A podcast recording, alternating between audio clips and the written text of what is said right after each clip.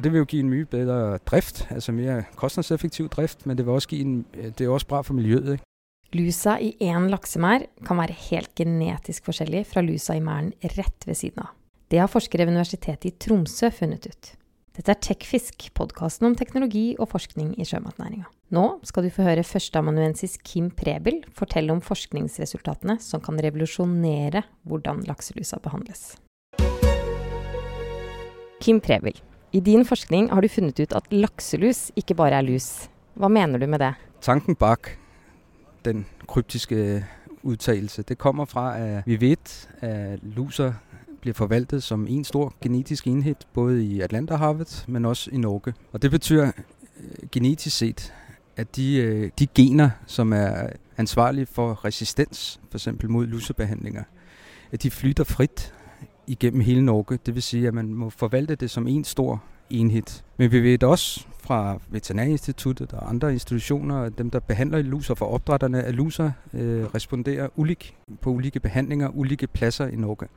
Så for eksempel hydrogenperoxid fungerer næsten ikke i sørvest-Norge, men det er vældig, vældig effektivt fremdeles i Nord-Norge. Og som genetiker, der er det et, et tydeligt tegn på, at det vi kalder en fenotype, altså hvordan dyret ser ud, den er ulik imellem de to. Og det at respondere på en lusebehandling er en fenotype genetisk set. Og det vi også ved for genetikken, det er, at hvis du har to ulike genotyper, jamen så ligger der en genetisk forskel bag den fenotype. Og det var egentlig slik det her begreb, at lakselus er ikke bare lus. Det er egentlig det, der er tanken bak, fordi i dag tænkes det sligt, at lakseluser er bare en lus genetisk set, fordi det er en stor genetisk enhed i hele Atlanterhavet. Du har været med i et stort forskningsprojekt. Kan du fortælle lidt om, hvad det er gjort? Jamen, det er faktisk ikke særlig stort fordi det er givet af RFF Nordnorge, altså det regionale forskningsfonden i Nordnorge, øh, som et, et samarbejdsprojekt mellem et lokalt, øh, lokalt laksopdrætter, der hedder Arnøj Laks AS, og så også på Universitetet i Tromsø. Vi startede ud med et pilotstudie, hvor vi egentlig tænkte, okay, det er lidt farligt at begynde inde i Norge at undersøge det her, fordi hvis, hvis vi skal finde forskelle, så må vi kigge først på lidt større geografiske skala. Og det var før Arnøj Laks kom med, og før vi fik pengene, der lavede vi egentlig et, et pilotstudie på egen, egen regning, der får at vise vores idé holder vand. Vi samarbejdede med nogle skotske forskere, øh, som havde lakselus fra Irland og fra Skotland, og så bidrog vi med lakselus fra Norge. Og der havde en helt anden ting i hele det her, det er, at vi havde en helt, vi mener, at det bliver gjort fuldstændig fejl mere af det, der foregår på genetikforskning og genomisk forskning der, øh, på naturlige systemer. Øh, så vi vil bruge de teknikker, vi bruger i vores evolutionsforskning, og de tankegange og teorier, vi nu bruger, det vil vi prøve at overføre til, til lakselus der og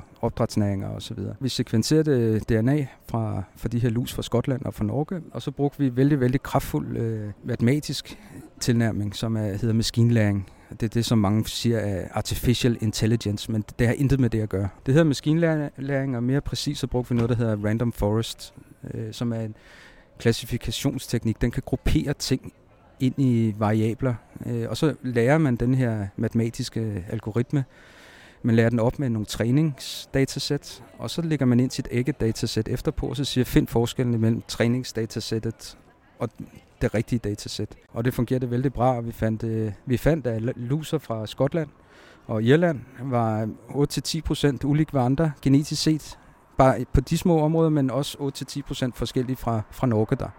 Så det gav jo blod på tanden øh, for at fortsætte på, på mindre skala.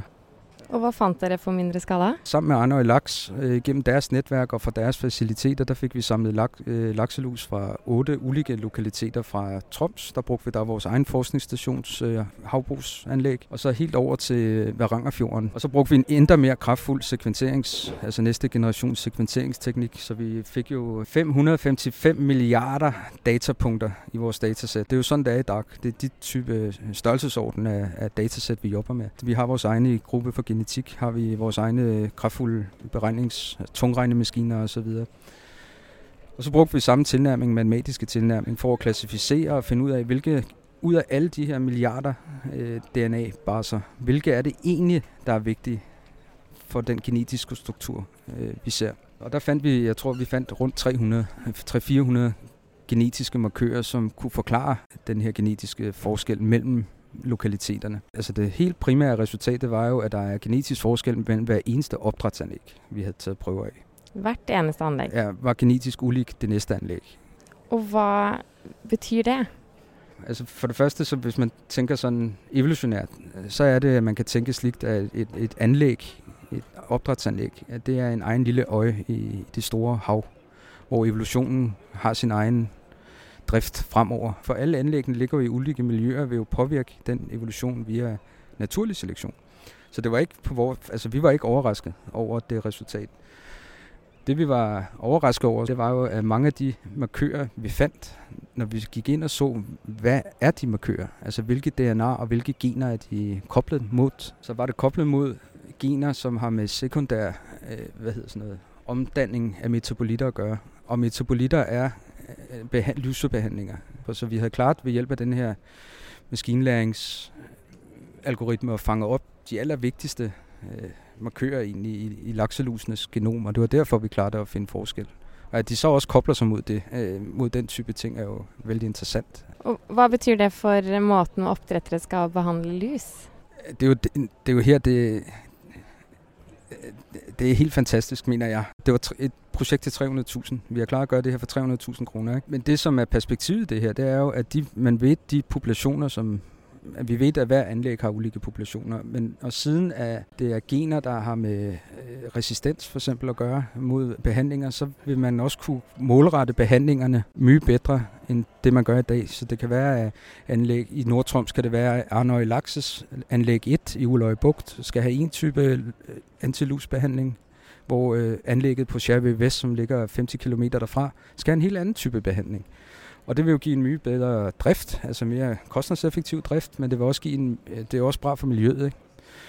Det, som er udfordringer, tror jeg, eller det, der bliver udfordringen, det bliver for forvaltningens side. Altså, og jeg mener jo, at det, er noget, de, det her må de tage med sig, altså de resultater som det her, fordi det kan ikke, du kan ikke have en forvaltning, der antager, at, at luser er en stor øh, genetisk enhed, når det, noget af det her allerede publiceret, ikke, som viser, at det er det absolut ikke. Vel? Jeg ved, at det ikke er din job, men, men kan du sige noget om, hvordan forvaltningen da bør ændres? Jeg tror egentlig helst ikke, jeg vil, jeg vil prate om det. For det er ikke, jeg, jeg er ikke så mye inde i, i den forvaltningsmæssige del af, af, af lus. Altså. Men dette er i hvert fald noget, de bør tage med sig? Det mener jeg absolut, de bør. Og specielt det, der kommer, når vi begynder at kunne... Det, der egentlig er, det vi egentlig skulle have gjort i det her projekt, det var, at vi også skulle have, når vi havde identificeret de ulike populationer, så skulle vi have udsat dem for aflusningsbehandling. Og og derefter se, hvilke overlever bedst, og så koble det mod genetikken, men det, det, det rak vi simpelthen ikke. Altså, det var job nok, det vi har gjort. Så det bliver det næste øh, projekt. Hvis der er nogen, der vil finansiere det der. men det gode er jo, at vi har skaffet en masse viden, og vi er i gang med at, at skrive det sammen til en, til en publikation, som folk jo selvfølgelig, jeg håber, de vil have lyst til at læse der. Men i praksis, hvordan kan oppdrettere vite hva slags type lus de har i merdene sine? Det det vil kræve, det er jo, man... Vi, vi gjorde det her studie, fordi det var en form for et stort pilotstudie bare i Nordnorge. Og grunden for, at vi valgte Nordnorge, er, at traditionelt set, så er luser i Nordnorge, de har ikke været udsat så mye for aflusningsbehandlinger, som, som luser i Vestnorge og Sørnorge. Så hvis vi finder forskel der, så er der i hvert fald også forskelle andre pladser. Så, og det er jo det, det, er det første, der må gøres, det er, at der må laves en, et nationalt studie, der viser den, gene, den overordnede genetiske, for der er en overordnet genetisk struktur, helt sikkert i Norge, hvor man kan tænke, okay, at luser i, i Nordnorge er en, en genetisk øh, afgrænset enhed, øh, hvor luser i Lofoten-området og Vestålen er kanskje en anden, så det bliver mye, øh, mye mere øh, definerede områder, der kan behandles måske øh, uligt og dem, der så er vældig interesseret og vil have et vældig kostnadseffektivt øh, produktion der, de vil jo kunne gå ind og teste deres lus. Men De trænger ikke at lave 550 milliarder øh, datapunkter. De kan nøjes med at bruge de 300 eller nogle 100 markører til at sige, okay, det er den,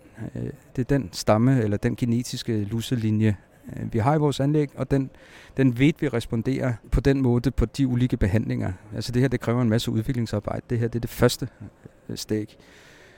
Altså det næste vil netop være det at teste de ulike øh, genetiske baggrunde.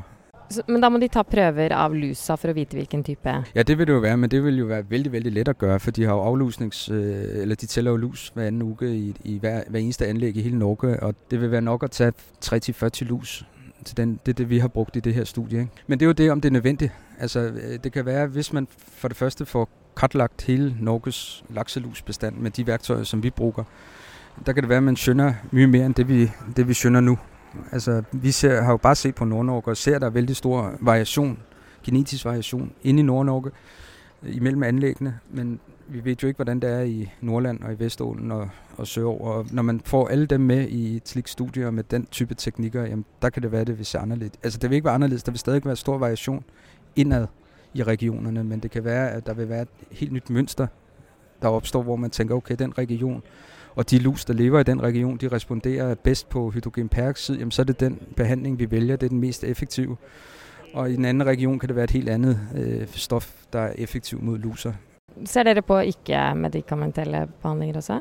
Jamen, det har vi ikke gjort, fordi vi, altså, det er jo det, man egentlig bør gøre. Det er jo egentlig det, der skal være opfølgings, en del af opfølgningsstudiet. Det er at kartlægge den genet, genetiske strukturen i Norge, og derefter udsætte alle de ulike popula- overordnede populationer til, til ulike medicamenter, og ikke øh, medicamenter. Hvad tror du sker fremover med dette da? Men jeg håber jo, der er nogen, der har lyst til at finansiere det, vi holder på med, fordi jeg mener jo, vi, jeg tror, vi har fat, altså de resultater, jeg præsenterer i dag, viser, at vi har fat i noget helt nyt, og en helt ny måde at, at tilnærme det her på. Jeg er overrasket over, at der ikke er nogen, der har gjort det før, altså fordi det er faktisk ganske simpelt at, at gøre. Altså vi kunne gøre det for 300.000 kroner. Hvorfor der ikke er nogen, der har gjort det her før? Det er helt oplagt. Eh, ja, for det, det, er ikke så ofte jeg ser at forskere kaller noe for revolusjonerende. Men det har dere gjort. Ja, men det er fordi, det er revolutionerende. Ja, hvorfor er det det? Ja, men det er det jo fordi, at lus, lakselus i hele Atlanterhavet er betegnet som en stor population. Ingen genetiske forskelle, om du tager lus fra Grønland, eller om du tager lus fra Island, eller fra wherever. Det er samme genetiske baggrund. Det betyder, at de gener, der er vigtige for resistens mod lusebehandlinger, de flytter fuldstændig frit i den her population. Med en gang, at der dannes struktur i en population, så stopper overførelsen af gener imellem de populationer. Så det vil sige, så får du op, oparbejdet en bedre resistens mod de behandlinger, som nu bliver givet på den lokalitet, hvor populationen opholder sig. Og den tanke er jo helt fraværende i både næringen og i forvaltningen. Så derfor mener jeg faktisk, man kan sige, at det er lidt revolutionerende. Du har nu hørt på Tekfisk, podkasten om teknologi og forskning i sjømatnæringen. Forrige uke snakket min kollega Camilla Odland med Nofima-forsker Åsa Espmark om lukkede oppdrettsanlegg. Den finner du på iTunes eller i din faste podkastspiller. Vi høres igjen!